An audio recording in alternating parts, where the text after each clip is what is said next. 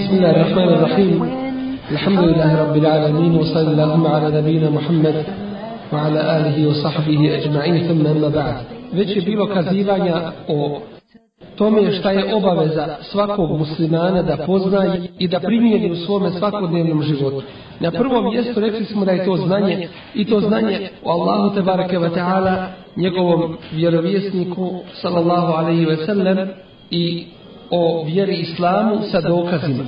Zatim rad po tome znanju, zatim pozivanje u njega, zatim strpljivost, ustrajnost i izdržljivost na tome putu.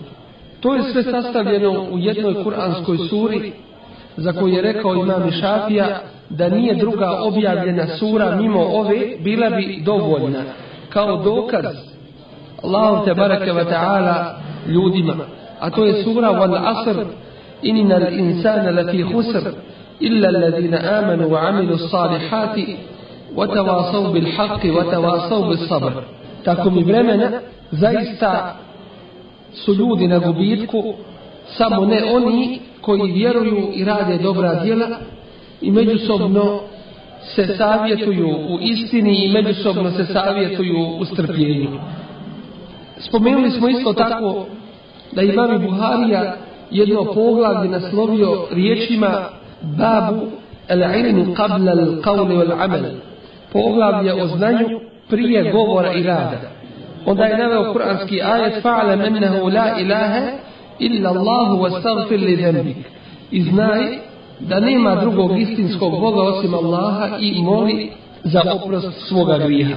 Pored ovih obaveza koje smo spomenuli, bilo je govora o tome da je obaveza svakom muslimanu i muslimanki da nauči tri temeljna pitanja i da radi po tome.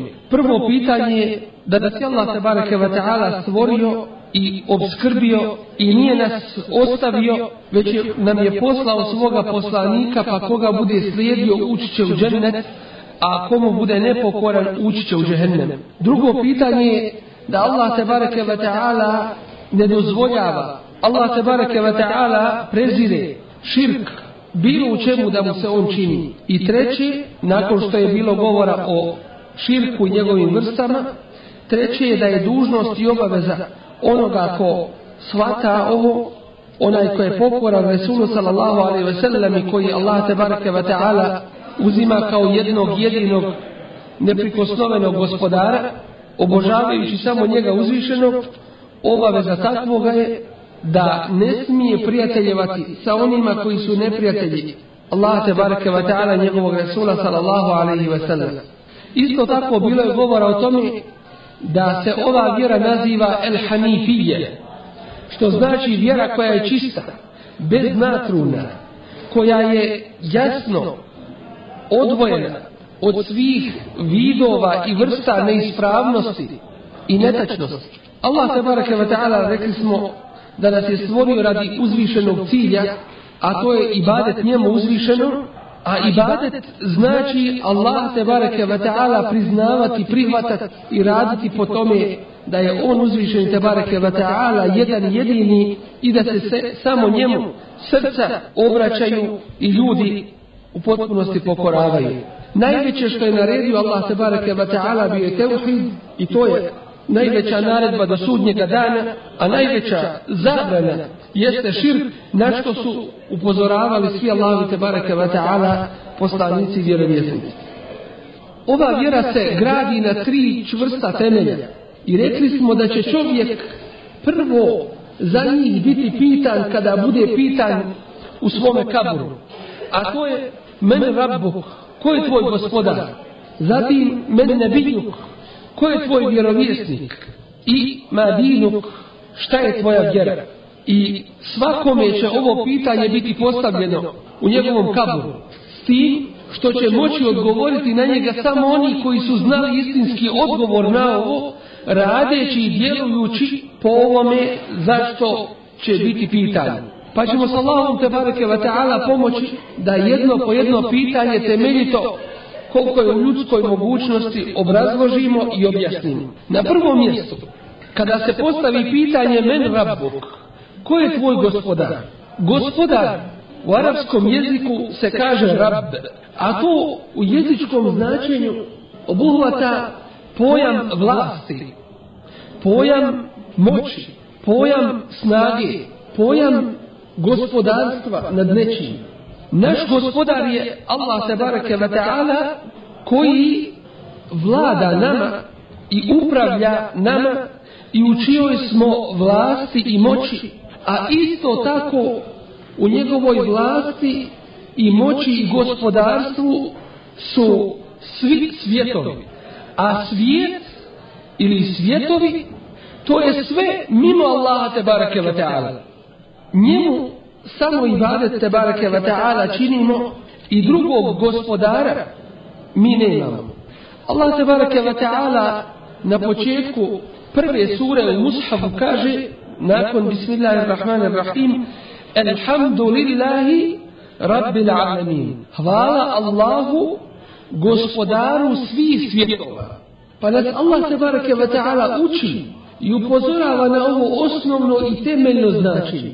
Na početku svoje knjige Kur'an Kerim uči nas hvali i zahvali Allahu te barake wa ta'ala i uči nas tome da je on jedini i neprikosnoveni gospodar koji vlada i upravlja svim. Rabbil alamin, gospodar svih svjetova.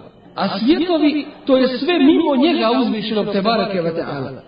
Dakle, gospodar svega. A mi smo svakako jedan dio toga velikog alema, jedan dio velikog toga svijeta i svih tih svjetova. Ovdje se postavlja pitanje, pošto je vjera islam utemeljena na jasnim i čvrstim dokazima. Šta je dokaz? Allahovog te bareke ve ta'ala gospodarstva, njegove neograničene i neprikosnovene vlasti i moći i njegovog gospodarstva. Dokaz za to su Allahovi te bareke ve ta'ala ajeti i njegova stvorenja. Allah te bareke ve ta'ala među ljudima ima dvije vrste ajeta.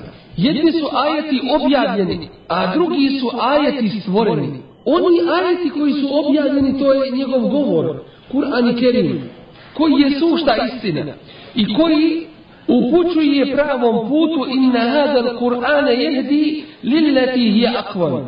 Zaista ovaj Kur'an upućuje onome što je najbolje, najljepše, najispravnije, sve naj, u najboljem smislu. Druga vrsta Allahovi te barake wa ta'ala ajeta su stvoreni ajeti. To jeste ono što je Allah te barake wa ta'ala stvorio. Od te vrste njegovih ajeta su noć i dan, sunce i mjesec. A od njegovih stvorenja su sedam nebesa i sedam zemalja. I sve što je na njima i sve što je između njih. O tome nam govori uzvišeni Allah se barake wa ta'ala u kuranskom ajetu ومن آياته الليل والنهار والشمس والقمر od njegovih ajeta su noć i dan i sunce i mjesec la tesđudu li šemsi wala li kamer nemojte seždu činiti ni suncu ni mjesec wasđudu lillahi seždu činite samo Allahu الذي خلقهن koji ih je stvorio in kuntum ijahu ta'budun ako samo njemu ibadet činite to jeste stvorite svih ovih stvari i svih ovih stvorenja je Allah te bareke ve ta'ala. I on je njihov gospodar. Kao što je on uzvišeni te bareke ve ta'ala gospodar svega stvorenoga. To je značenje tevhida u pogledu Allahovog te bareke ve ta'ala rububijeta, to jeste njegovoga gospodarstva. Isto tako uzvišeni Allah nam kaže Inna rabbekumullah Zaista je vaš gospodar Allah. U čemu se ogleda to njegovo gospodarstvo i ta njegova vlast i moć? Ogleda se u tome khalaqa samavati wal ard koji je stvorio nebesa i zemlju. Kaže se nebesa u množini jer je sedam nebesa. Wal arda i zemlju, kao što se na drugim mjestima spominje, wa min al ardi mislahun, stvorio je sedam nebesa, a isto toliko zemalja. Fi siteti ejami, u sedam dana, thum mesteva ala arš, zatim se uzvisio nad aršom. A arš Allah te wa ta'ala, to je njegov uzvišeni i veličanstveni prijesto, koji je iznad sedam nebesa i koji je nešto najveće što je Allah te barake wa ta'ala stvorio. Sva ova nebesa i zemlja, što je na njima, su kao jedna halka, kao jedan prsten, kada bi se bacio u nepreglednu pustinju, u pogledu Allahovog te barake wa ta'ala arša, njegovoga prijestolja. Juši lejlan nahar, on prekriva noć, juši lejl, jatlubu hatifen, jedno za drugim se neprestano smjenjuje. Vašemse wal kamer, to jeste smjenjuje se dan i noć. I sunce i mjesec. Wal nuđume, i zvijezde musaharatim bi emri. Sve je to podčinjeno njegovoj odredbi. Svim tim on uzvišeni tebareke wa ta'ala upravlja. Ela lehul halku, zaista njemu pripada stvaranje, wal emr, i njemu samo pripada naredba, propisivanje i upravljanje svime. Tebarak Allahu Rabbul Alamin, neka je uzvišen Allah, gospodar svih svjetova. Koliko danas ima ljudi koji nisu spoznali svoga gospodara? Koji svoga gospodara vide u ovome ili u onome? Koji su daleko odlutali od svoje čiste i izvorne fitre po kojoj ih je Allah te barake ta'ala stvorio? Mi vidimo ovce koje ne imaju razuma. Što koja kada osjeti opasnost, kada zagrmi i kada počnu munje sjevati, kada se nađu na otvorenom prostoru, šta rade? Dižu svoje glave i poglede ka nebu, vraćaju se svojoj prirodi. Koji ih je poučio tome i toj osnovi da se obraćaju svome gospodaru i stvoritelju Allahu te barake wa ta'ala. U kojoj školi su oni to učili? Koje su fakultete i doktorate oni postigli? Pa su to naučili. Wallahi više su bliski toj fitri nego mnogi ljudi koji su odlutali od čiste i izvorne fitre na kojoj ih je Allah te barake wa ta'ala stvorio. Kome se i zašto se ruke dižu gore? Allahu te barake wa ta'ala koji spušta svoju milost, svoj rahmet onima koji ga mole i koji mu se obraćaju. Ovo je jedno od veoma važnih i temeljnih pitanja za svakog muslimana i za svakog čovjeka. A to je ko je istinski tvoj gospodar. Ne samo u priči i teoriji, nego u praksi tvog života i svakodnevnice. Je li Allah te barake wa ta'ala tvoj istinski gospodar? To jeste kod tebe, jer on jeste gospodar, Rabbul Alamin, gospodar svih svjetova. Ali jesi li ga ti prihvatio kao svoga gospodara? Ili ti držiš do njega kao svoga gospodara? Jesi li mu pokoran kao svome gospodara? Jesi li svjestan da je on tvoj gospodar?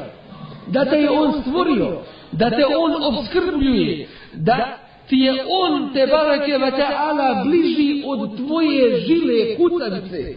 A on je u isto vrijeme iznad sedam nebesa iznad veličanstvenog arša, te barake wa ta'ala. Onaj kom je ništa nije slično, niti mu je išta ravno. Jesi li svjestan da Allah te barake wa ta'ala upravlja svim? Je li znaš da on uzvišeni daje i sreću i nesreću? Jesi li svjestan da on uzvišeni te bareke wa ta'ala određuje sve što je bilo i što će biti? Jesi li svjestan da je sve u njegovoj vlasti i u njegovoj moći i njegovome znanju.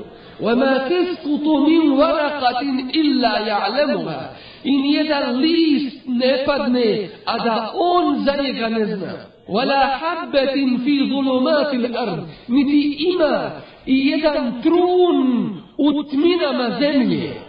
Vola rasubin, vola jabis, niti ima bilo šta da je mokro, niti da je suho, ništa da je živo, niti išta da je mrtvo, illa fi kitabim mubin, a da to nije u jasnoj knjizi. Je li musliman shvatio i prihvatio istinski ova značenja rubu biljeta? Allahovog te bareke wa ta'ala gospodarstva i njegove moći i njegove vlasti kod tebe. Kada se istinski to shvati i namaz će zasigurno biti drugačiji. Jer ćeš biti svjesniji kome na seždu padaš Allahu te ta'ala. Onda se nećeš drugome, niti drugima ponižavati. Jer ti sa akidetom i sa ubjeđenjem u čisto gospodarstvo Allaha te bareke ve ta'ala imaš najveću snagu na dunjaluku sa Allahovom te bareke ve ta'ala dozvolom i pomoć. Jer tvoj osnovac je gospodar svih svjetova. Jer tvoja nada je Allah te bareke ve ta'ala. Jer tvoje pouzdanje je u gospodara svih svjetova. Da neko od ljudi, kažemo, ne bud primijenjeno sa ogromnom razlikom, ima kontakt sa nekim od ovih dunjalučkih, prolaznih, ograničenih vladara, uzeo bi pa se ponosio i ljudima govori ja se znam s tim i tim vladarom i on zna me mogu dobiti vizu kad god mi zatreba i državljanstvo i drugome srediti i ovo i ono a taj dunjalučki vladar vallahi billah summa Allah. Nema vlasti na. Kad mu dođe melek smrti ne kaže neću. Ne kaže spriječite ga vojske moje da do mene ne dođe. Ne dajte mu da uđe. Koja je to vlast i kakva je to vlast čovjekova koji ne može sebi ni najmanje koristi donijeti istinske i temeljne koristi niti od sebe može bilo kakvu i najmanju štetu odagnati, istinsku štetu koja mu dođe. Kaže Allah tabaraka wa ta'ala, kul men jerzukukum mine samai wal ard.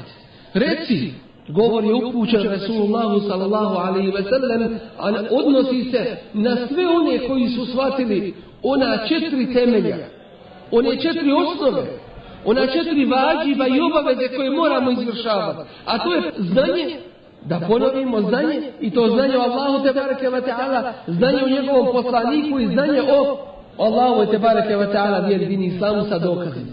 I ko radi po tome i ko poziva u to i ko je strpljiv na ezijetu i neprijatnostima koje ga stižu na tom pravom i ispravnom putu siratom mustatima. Jer na to su nailazili oni koji su bili bolji a to su Allahovi vjerovjesnici i poslanici. Zar nisu bili proganjani? Zar nisu bili prozivani? Zar nisu hijđru morali činiti? Zar nisu bili ubijani i tako dalje? Na Allahovom tebareke wa ta'ala putu. Kaže uzvišeni Kul men jarzukukum mine samai wal ard. Reci, ko vas obskrbljuje s neba i iz zemlje. Ko daje vam obskrbu s neba i obskrbu iz zemlje. Allah te bareke wa ta'ala. Uzvišeni i veličanstveni. Obskrba iz neba. Kako Allah uzvišeni daje kišu? Kada bi je uskratio ili kada je uskratio nekom, ko je taj koji im može zamijeniti tu kišu nečim drugim? Sve biva uništeno i opustošeno. Ko je taj da Allah se bareke ve ta'ala dadne poremećaj u ovoj atmosferi? Ko što su ljudi na nekim mjestima izazvali nered. Pa je u atmosferi došlo do ozonske rupe, kako je nazivaju. I dolazi do zračenja i promjene klime na zemlji. Ko je taj koji može to zamijeniti i promijeniti? Mimo Allaha te bareke wa ta'ala. Ko je taj koji može sigurnost i bezbjednost u kosmosu dati? Inna Allahe yumsiku samavati wal arda en tezula zaista Allah samo drži nebesa i zemlju u njihovom redu da ne skrenu sa svoga puta. وَجَعَلْنَاهَا رُجُومًا لِلشَّيَاطِينَ I dali smo da te zvijezde budu sredstvom za kamenovanje, za spaljivanje šeitana, koji prisuškuju govor el meleul e'ala, veličanstvenog društva, to jeste meleka, koji zapisuju el qada wal qadr. Ono što Allah te bareke ve ta'ala određuje iznad sedam nebesa, šta će se desiti. To šeitani prisluškuju i hoće da znaju gajb, to jeste ono što će biti u budućnosti. Pa kada to pokušaju, Allah te bareke ve ta'ala na njih spušta užarena tjelesa koja ih spale i ubiju. Ili treća korist zvijezda jeste li tehte dubi. Da se orijentišete prema njima.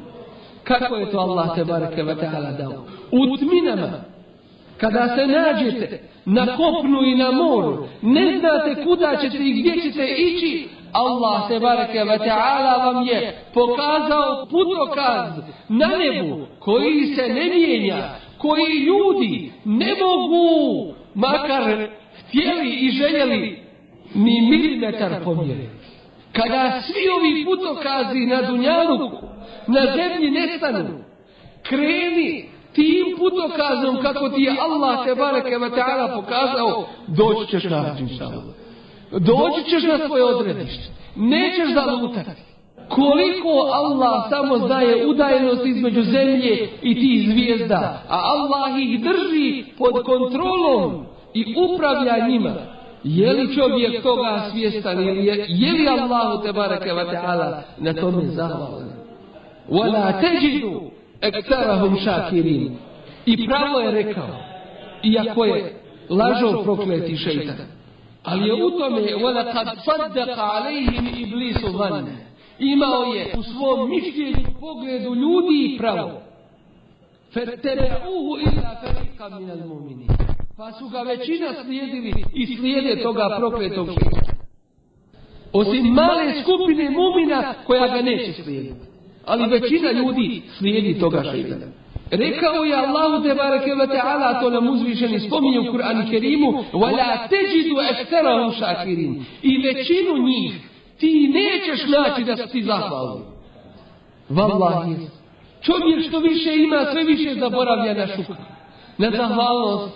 zaboravlja da bude zahvalan. Allahu te bareke ve taala današnji puno imaju više.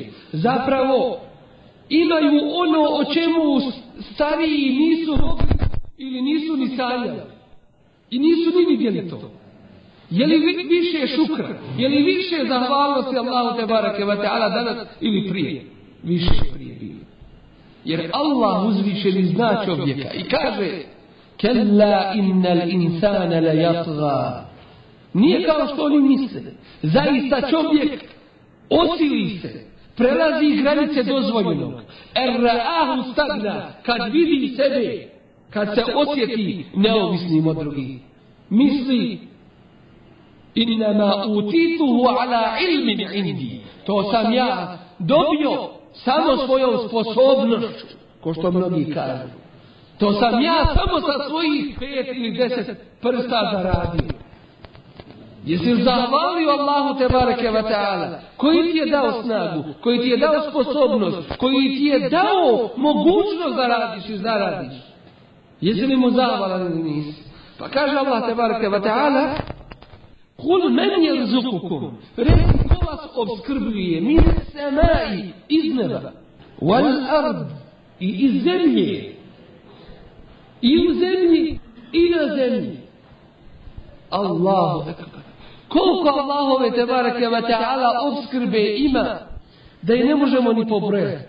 Koliko vrsta voća. Vi danas vidite voće koje nikad prije u životu niste vidjeli. I kažete, zar i to ima i ovo se jede. Koliko tih čuda u Allahovom davanju i stvaranju ima, da ne možeš ih ni pobrojati, a kamo li šukur na tome učiniti. Ali razlika između onoga koji se trudi i onoga koji je nemaran Emen jemliku sem'a wal ebsar. Ko je taj koji vlada? U čijoj vlasti je vaš sluh i vaš vid. Da Allah te barake wa ta'ala nekome uzme njegov sluh ili uzme njegov vid ili oba dvoje. Ili nešto drugo od svojih blagodata. I svi se učenjaci i naučnici na svijetu sakupe da tome čovjeku vrate njegov sluh i vid. Ako Allah te barake wa ta'ala ne dadne i ne dozvoli, neće to biti ustavljeno. Konstatuju ljudi samo nakon istraživanja sve kaže u redu. Samo ima negdje u mozgu nema kontakta. Prekid negdje. A sve ostalo u redu. Samo nema kontakta negdje u mozgu. Pa uspostavite taj kontakt. Kaže ne može. To nismo u stanju. Priznaju svoju nemoć. Ali mnogi neće da priznaju Allahovu svemoć. I njegovu vlast. I da mu se pokore. I da mu budu poslušni. وَمَنْ يُخْرِجُ الْحَيَّ مِنَ الْمَيِّتِ ili ko je taj? I ko je taj koji izvodi živog iz mrtvog? Šta si i gdje si bio prije tvog dolaska na? Bio si jedan dio, bio si jedan komad mesa u kome nema života. Pa je Allah se bareke ve ta'ala dao da se u tebe udahne duša kojom si postao živ, a bio si mrtav. Wa yukhrijul al-mayyita min al-hayy. I izvodi mrtvog iz živog. Uzima dušu kada i kome hoće. Wa man yudabbiru al-amr. I ko je taj koji svim upravlja? Fesejekulun Allah. Reći će ti Allahov vjerovjesniče Allah je taj. Ko će ti reći to Allahov vjerovjesniče? Reći će ti mušlici toga vremena. Priznavali su da je to jedino Allah te barake wa ta'ala koji vlada i upravlja tim. Ali nisu htjeli jedino njemu da se pokore. I zato su bili mušlici. Doći im današnje kad pitamo ko tim vlada, reći će vlada ovaj i vlada onaj i upravlja ovaj i upravlja onaj. Što se pokazuje suprotno onome što ljudi misle. A to je, ljudi misle da što više napreduju u nauci, što više vrijeme prolazi, što više imaju iskustva, da nema više mogućnosti za idolopoklonstvo, idolatriju i tako dalje. Doći im činjenice da je širk, idolatrija i idolopoklonstvo što više vrijeme odmiče i što ljudi više imaju iskustva i znanja u Dunjaluku veća nego što je prije ta idolatrija bila. Jer današnji što rade, nisu radili priješnji. Mušike prije da ste upitali ko svim ovim upravlja, rekli bi Allah. Iz ovoga se zaključuje vrlo jasno da je gospodar i to Allah te barake ve ta'ala i niko drugi neprikosnoveni gospodar vladar svega i onaj koji ima neograničenu moć i najbolja svojstva i najljepša imena Allah te barake ve ta'ala da je on taj koji zaslužuje da mu se ibadet čini da mu se pokorava i da se vjeruje. Allah te barake ve ta'ala kaže u Kur'anu Kerimu u prvoj naredbi na koju nailazimo kada od početka Kur'ana učimo od Fatihe pa sura Bekar prva naredba u Mushaf ne kažemo prva naredba po objavi po objavi prva naredba je uči i to smo spomenuli da je prva obaveza znanje čovjeka Jer ako oni svjedoči la ilaha illallah i sto puta uči la ilaha illallah i hiljadu puta uči la ilaha illallah, a ne zna šta to znači i radi suprotno tome na što ukazuje la ilaha illallah, ništa mu to neće koristiti. Dakle, znanje mora biti.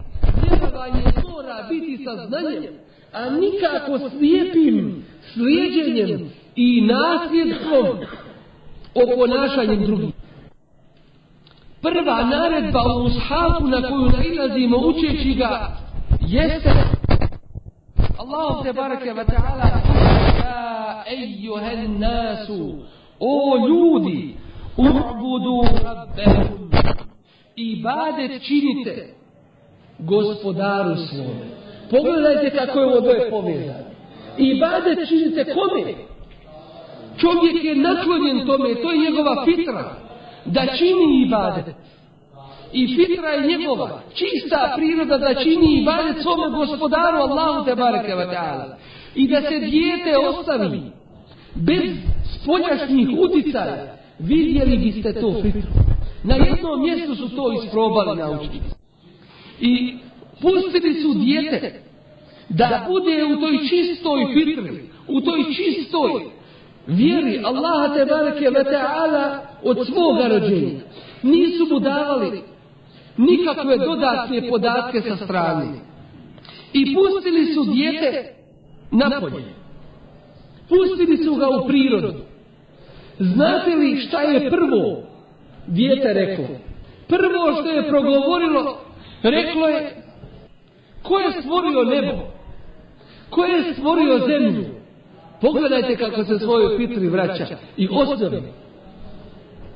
Traži svoga gospodara Allaha te taala. Jer u njegovom odgoju nije bilo natruna i dodataka sa strane. U'budu rabbekum. Ibadet činite gospodaru svome. Alladhi khalaqakum koji vas je stvorio. Walladine min qablikum a i one prije vas la'allakum tattaqun kako biste bili bogobojazni. Šta znači bogobojazni? To su mutekije. A ko su mutekije? Oni koji rade po onome što je naređeno i klone se onoga što je zabranjeno. To su mutekije. Kao da ideš, kao što kaže Omer radijallahu anhu, ideš po nekoj zemlji koja je puna trnja. Pa gledaš gdje ćeš stati svojom nogom da ne staneš na trn, da se ne ubodeš. E to je takva. Ideš kroz život i paziš se da se negdje ne ogrišiš. Da takav grijeh ne učiniš. A ako ga učiniš, odmah se vraćaš tobe i stikva činiš. Da biste bili bogobojan. Elladhi ja'ala lakumul arda firasha. Onaj koji vam je učinio zemlju prostirkom, to jeste pogodnom za vaš život. Wasama'a bina'a. I nebo zdanjem. Šta je zdanje? Kao što kažemo neka zgrada, zdanje. A šta znači zgrada i zdanje? To je ono što te čuva. Allah te bareke ve taala je tako stvorio nebo da bude zaštita ljudima koji borave na zemlji od ovih padalica, od raznih zračenja iz kozmosa, od raznih štetnih materija koje dospijevaju do te atmosfere. Allah je to učinio zaštitom zemlji i čovjeku koji živi na njoj. Subhanallah. Koji su ovo ajeti, koji su ovo veličanstveni dokazi? Za onoga koji razboritosti i razuma ima.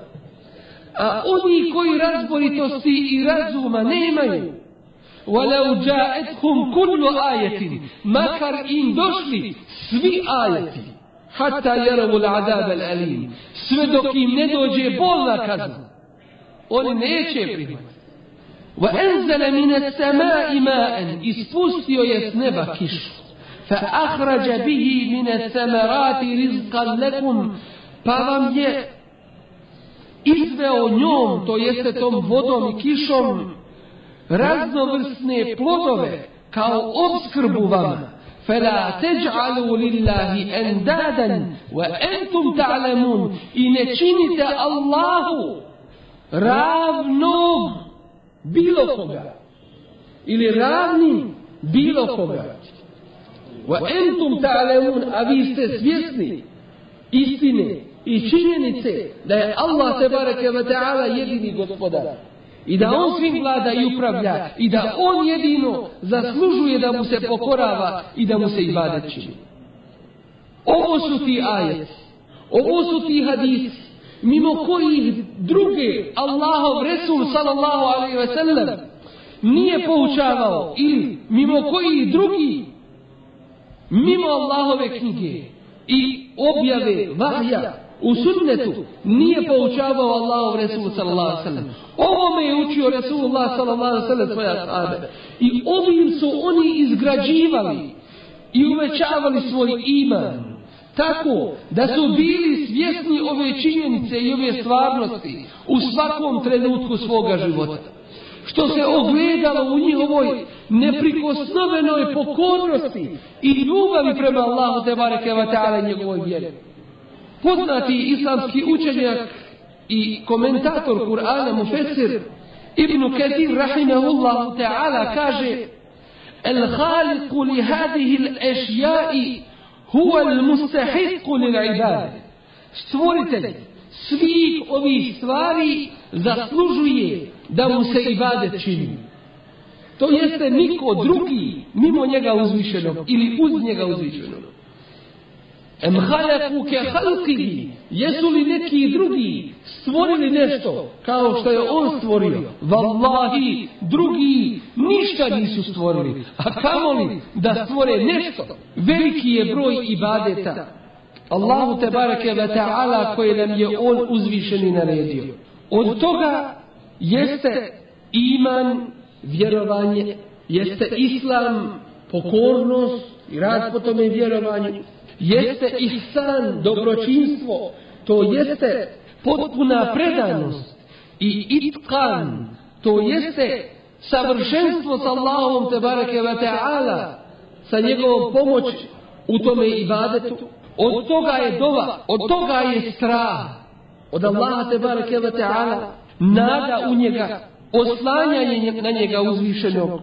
Od toga je želja za onim što je kod njega uzvišenog. Od toga je strah od onoga što je kod njega uzvišenog. Od toga je strahopoštovanje i skrušenost. Od toga je predanost. Od toga je traženje pomoći. Od toga je traženje utočišta i zaštite kod njega uzvišenog. Od toga je traženje spasa. Od toga je prinošenje žrtve samo njemu uzvišeno. Od toga je nedr ili zavjet samo njemu uzvišeno i mnogi drugi ibadeti koji je naredio uzvišeni Allah tebareke wa ta'ala i sve njih dužan je čovjek činiti samo i isključivo Allahu tebareke wa ta'ala. Već smo spomenuli kuranski ajet u kojem uzvišeni kaže wa ennal mesajide lillahi i mesđidi to jeste džamije, mjesta gdje se Allahu ibadet čini i na seđu pada. To Allahu pripada. To se pravi i uspostavlja u ime Allaha. Fela ted'u me Allahi ahada. I nemojte uz Allaha nikoga drugoga moliti. Ni od koga drugoga očekivati. Nemojte nikome drugome dovu svoju upućivati. Tako da bilo ko da dovu učini, obraća se u dobi nekome mimo ili uz Allah te bareke wa ta'ala ili bilo koji od ibadeta učini nekome mimo ili uz Allaha te bareke wa ta'ala takav je mušrik i nevjernik da nas Allah te bareke wa ta'ala sve sačuva toga. Učiniti ibadet nekome, drugome, mimo Allaha ili nekome drugome uz Allah te bareke wa ta'ala to je širk najveći i najgoriji grijeh i najveća opasnost za svakoga. Allah te bareke ve taala kaže: "Wa yad'u ma'a Allahi ilahan akhar."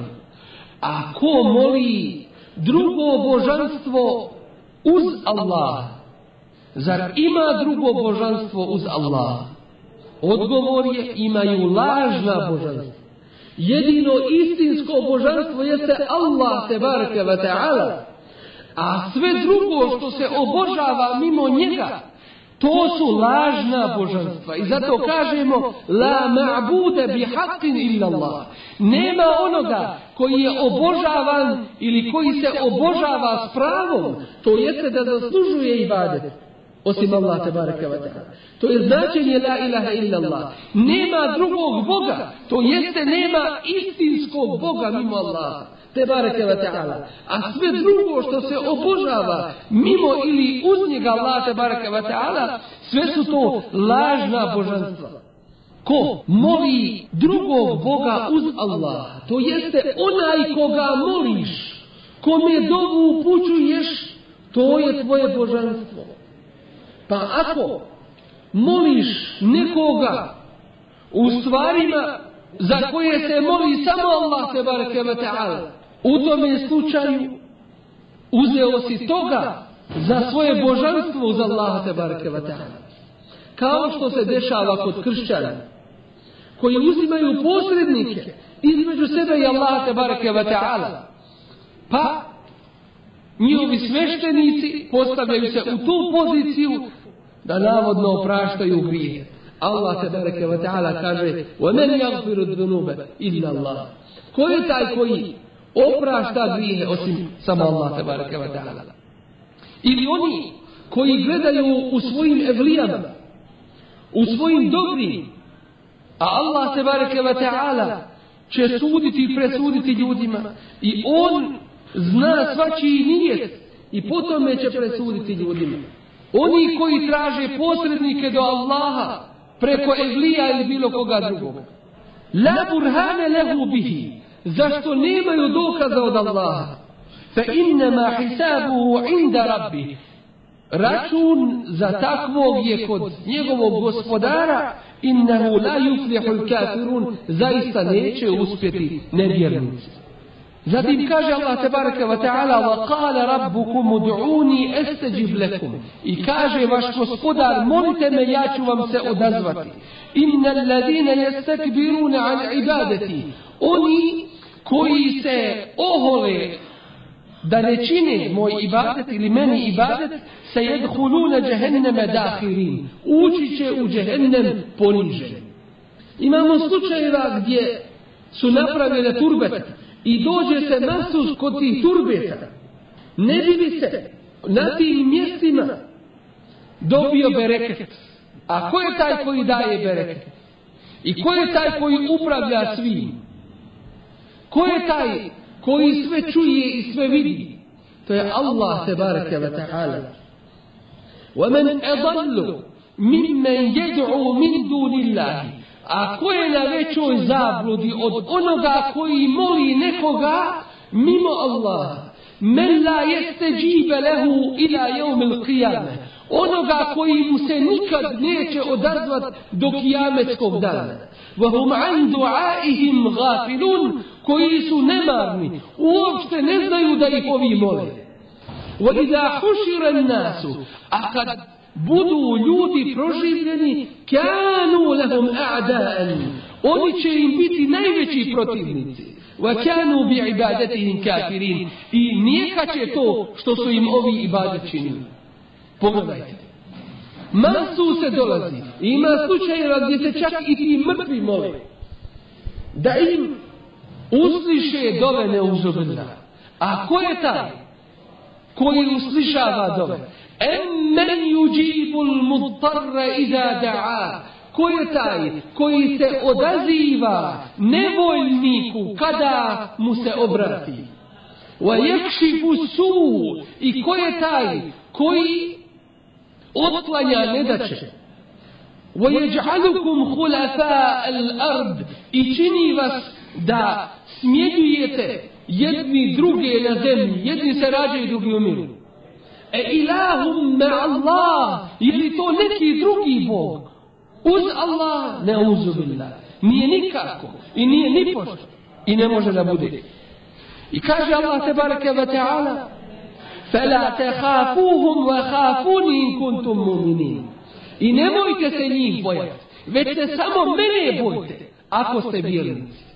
Što znači, ako se neko boji nekoga, kao što se boji Allaha te barake wa ta'ala, ili se boji nekoga, više nego što se boji Allaha te barake wa ta'ala, to je čisti širk.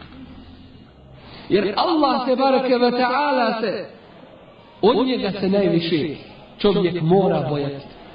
I kaže, فَمَنْ كَانَ يَرْجُوا لِقَاءَ رَبِّ I ko se nada susretu sa gospodarem svojim. Dakle, nada. Ko ima nadu u nešto, kao što ima nadu kod Allaha i u Allaha. Ili ima nadu u nešto više nego što ima nadu u Allaha ili nadu kod Allaha. Takav širk čini Allahu te ta'ala. Ako ima nadu u dunjaluk, ako ima nadu u svoju djecu, ako ima nadu u položaju, ako ima nadu u svoje znanje i sposobnost ili u bilo šta drugo, kao što ima nadu u Allaha, ili ne daj Bože šveću, isto tako, to je širka Allahu te barke wa ta'ala. To se mora poznavati. Fel ja'mel amelen saliha. Ko ima nadu, u susret sa svojim gospodarem neka Čini dobra djela wala yushrik bi ibadati rabbi ahada i neka u ibadetu gospodaru svome nikoga ne pridružuje. Zatim wa ala Allahi fatawakkalu in kuntum mu'minin. I na Allaha se oslonite, ne na drugoga, ne na nešto drugo, ako ste vjerni To jeste samo na Allaha. Ako je tvoj tevekul na nešto, kao što je na Allaha, ili veći nego što je u Allaha, to je širk neuzubillah. Tvoj tevekul mora da bude u Allah, na Allaha te bareke ve ta'ala. I najviše u njega da se pouzdaš i na njega osloniš. وَمَنْ يَتَوَكَّلَ عَلَى اللَّهِ فَهُوَ حَسْبُهُ Ko se osloni istinski na Allaha, on mu je dovoljan. I kaže uzvišeni, إِنَّهُمْ كَانُوا يُسَارِعُونَ فِي الْخَيْرَاتِ Opisujući iskrene mumine i ispravne vjernike, kaže oni su se natjecali u dobrima. وَيَدْعُونَنَا رَغَبًا وَرَهَبًا I molili nas iz nade i straha. وَكَانُوا لَنَا خَاشِعِينَ I nama su bili skrušeni. Puni straho poštovanje. I kaže فَلَا تَحْشَوْهُمْ وَحْشَوْنِي I nemojte strahovati od nekoga, već od mene strahujte. Jer čija kazna može biti kao što je Allahova tebareke wa ta'ala. Zar faraon nije rekao وَلَتَعْلَمُنَّ أَيُّنَا أَشَدُّ عَذَابًا وَأَبْقَى Kada su njegovi čarobnjaci na seždu Allahu te bareke wa ta'ala pali, kada im se istina jasno pokazala. I rekli Amenna bi rabbil alamin. Vjerujemo u gospodara svih svjetova. Rabbi Musa wa Harun. U gospodara Musaovog i Harunovog. Pa im je zaprijetio faraon. I rekao im između ostalog Vala ta'lamunne i vidjet ćete, okusit ćete, iskusit ćete. Ejuna ešeddu, ko je od nas žešćeg azaben azaba, ko više kažnjava, wa ebka i trajnijeg. Znate li šta su mu odgovorili po svojoj fitri ti čarobnjaci do skora, do par minuta? Odgovorili su mu قالوا لن نؤثرك على ما جاءنا من البينات nećemo ti dati prednost nad onim što nam je došlo od jasnih ajeta i dokaza. Jesu li to rekli mnogobrojni današnji?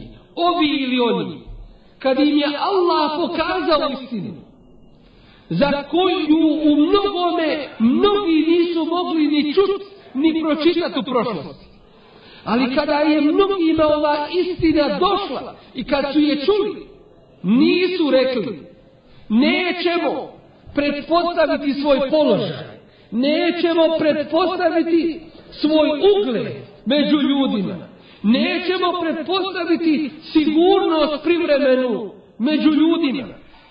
Nisu to rekli, nego su rekli ovi novi koji hoće po nekoj drugoj vjeri da radi. Kojoj to drugoj vjeri da radi i kakvoj to drugoj vjeri da radi. Je to vjera mimo kitaba? Je to vjera mimo sunneta? Pogledajte te do skora čarobnjake koji su bili u službi faraona. Kako sada kad su se vratili svojoj fitri za par minuta daje postaju. I te kakve daje. Da pred faraona dolaze. A najveći šehid je onaj koji dođe pred vladara nepravednika i kaže mu haki, kaže mu istinu. Danas mnogi, kada daje, kada alim, progovori istinu, mnogi skoče protiv njega. U odbranu tih vladara ili u odbranu ovih ili u odbranu onih. Da bi sebe zaštitili i sebe sačuvali. Da bi bili bezbjedni od ljudi ali ne znaju jadnici da time gube bezbjednost kod Rabbul Alemina, gospodara svih svjetova. Rekli su levno osirake, nećemo ti dati prednost. A doskora domalo su rekli, e inne lena le eđre min kunna nahnul galibin. Hoćemo li mi imati nagradu? Govorili su faraonu. Ako mi pobjedimo, kale ne'am, Reče im faraon, sigurno, hoćete. Va innekum idem la minal mukarrebin. I vi ćete tada sigurno meni biti bliski. Uzame ćete biti. I nagrade, i položaji, i sve ono to danas mnogi žele i čega se obje ručke zapravo i nogama i rukama drže i prihvatili i zbog čega daju i prodaju svoju vjeru. Jer nam kaže Resulullah sallam u hadisu kojeg bilježe imame Budavu. Da će doći vrijeme. Yusbihu ređulu mu'mine. Da će čovjek osvanut mu'min, musliman, vjernik. Va yumsi kafira. A obrknut kao nevjernik. Yumsi mu'min. Obrknut kao vjernik. Va yusbihu kafira. A osvanut kao nevjernik. Pa pitaju asabi Allahu poslaniće kako zbog čega? Šta se to dešava? A on kaže je bi'u dinehu bi arabi mine dunja. Prodaje svoju vjeru za neku neznatnu dunjalučku korist. Wallahi kad bi ti se cijeli dunjaluk dao, da vladaš njime i upravljaš. I sve što je na njemu, sve je to aradul hajati dunja. Sve je to neznatna dunjalučka korist. Ništa ne vrijedi. Ne kažem da nešto vrijedi, nego ništa ne vrijedi. Jer drugi hadis Resula sallam kaže لو أن الدنيا تزن عند الله جناح بعوضة da cijeli dunjaluk vrijedi kod Allaha koliko krilo mušice. Jedna mušica. Proleti ti je uvatiš. Hoćeš ikome na dunjaluk odgovarati. Koja je vrijednost toga? Smeta ti pa si je uklonio. Koja je vrijednost te mušice? Da vrijedi ovaj cijeli dunjaluk kod Allaha koliko krilo mušice ma seqa minha kafiran šurbete ma. Ne bi napojio nevjernika ni gutljajem vode. Ali pošto ne vrijedi dunjal kod Allaha nikoliko krilo mušice, onda daje ti nevjernicima. Da što više zarade griha i što više ogreznu u džehennemu. Jer ko što imaju deređat, stepenovi u džennetu, tako imaju derekat, stepenovi, ali naniže. U džennetu je naviše, a u džehennemu su naniže stepenovi. Pa što je gori, bit će niže dole. Fatarana. Tako nam onoga koji nas je stvorio, pogledajte da je. Ma ente qad. Pogledajte šta kaže tome faraonu. Nije to danas da nedostaje znanje nego nema junaka koje je majka rodila da kaže u ime Allaha ve ta'ala istinu I da se toga ne boji. Fakdi ma enteka. Kažu mu, sudi kako god ti hoćeš. Innama takdi hadihi hajate dunja. Ti samo sudiš na ovom dunjalučkom svijetu. Inna amenna bi rabbina. Mi smo povjerovali gospodara našeg. Li jagfira lena hatajana da nam oprosti naše grijehe. Ona ekrehtena alejhi mine sihr. I ono na što si nas prisilio da radimo od sihra i čarolija. Wallahu hajrun, a Allah je bolji. Wa ebka, i on je trajniji, to jeste Allah je vječan. I to su im bile zadnje riječi. I razapeo ih je farao na palmina stabla, a otišle su njihove duše u džennet i ništa izgubili nisu od ovoga dunjavka. ولا تحسبن الذين قتلوا في سبيل الله أمواتا i ne pomisli da oni koji su ubijeni na Allahovom putu da su mrtvi bel ahjaun ne nego su oni živi vi, vi niste živi to jeste vaš taj život koji živite dunjalučki nije to život ono je pravi život vaš život u poređenju sa njihovim životom nije ništa. Bel ahjaun, ne nego su oni živi, inde rabbihim yurzakun, kod gospodara svoga, oni primaju obskrbu. Na dva načina, braćo draga i sestre. Jedan način, obskrba koja im je davana na dunjaluku, nastavlja im se davati i poslije šahadeta. Ali, To je posebna obskrba. Samo su imena ista. Da jedan groz bude donešen iz dženeta na Dunjaluk, jeli bi stanovnici Dunjaluka dok je ovoga svijeta. Jedan groz samo. Zove se groz. Ali zove se samo groz. Samo je u tome poređenje u imenu. I drugo, nastavljaju im se pisati dobra djela koja su do tada radili i namazi, i posti, i badeti, i sve ostalo. Šta su izgubili? Wallahi, riješili se samo dunjalučkih okova.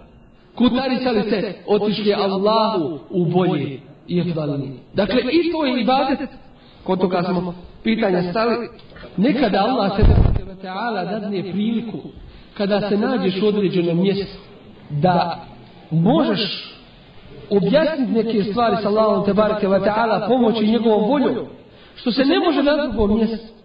I kada se čovjek nađe u određenom društvu isto tako Allah te barake wa ta'ala olakša i pomogne da se neke stvari mogu objasniti što se ne mogu na drugom mjestu. A bez ikakve sumnje Meleki Allahovi te barake wa ta'ala prisustvuju međlisima, to jeste skupovima gdje se spominje Allahovi te barake wa ta'ala ime, svakako po sunnetu ispravno gdje se tumači Allah te baraka wa ta'ala ajeti gdje se uči. Fela takševhum vahševni i nemojte strahovat od njih, strahujte od mene Allah te baraka wa ta'ala kaže. I kaže wa anibu ila rabbikum. i budite predani gospodaru svome. Wa eslimu lehu. I predajte mu se u potpunosti. I kaže Iyake na'budu wa iyake nasta'in samo tebi ibadet činimo Allahu i samo od tebe pomoć tražimo. Kaže Rasulullah s.a.v. I ista'ante festa'in billah. Kad tražiš pomoć, traži pomoć od Allaha. Zatim kaže uzvišeni kul e'udu bi rabbin nas. Reci, tražim utočište, tražim zaštitu od koga? Od svega, ali kod koga? Kod Allaha te bareke ve ta'ala. Tražim zaštitu bi rabbin nas gospodarem svih ljudi. Iste ste vi suna. Kada ste tražili spas i pomoć od gospodara svoga, pa vam je on pomogao. Ovdje je govor o bitci na Bedru. Kada su se muslimani našli u vrlo teškoj situaciji, obratili se Allahu te bareke ve taala i on im je poslao svoju pomoć i dao im pobjedu. Zatim sve što čovjek radi na ovome svijetu, svaka radnja, svaka djelatnost u ime Allaha te bareke ve taala da bude kao što kaže uzvišeni kul inna salati reci zaista moj namaz wa nusuki i moji obredi od čega je i prinošenje žrtve i kurbana, mahjaje i moj cjelokupni život, wa mamati i moja smrt, lillahi rabbil alamin, pripadaju Allahu gospodaru svih svjetova, la šarika lehu, nema njemu sličnoga niti ravnoga, bidalika umirtu, wa ene evvalul muslimin, to mi je naređeno, ja sam prvi musliman. Još je mnogo ibadeta koji su propisani ovom Allahom te bareke wa ta'ala vjerom, još ćemo samo ovaj spomenuti, a to je zebh. To je da čovjek kurban čini samo u ime Allaha te bareke wa ta'ala.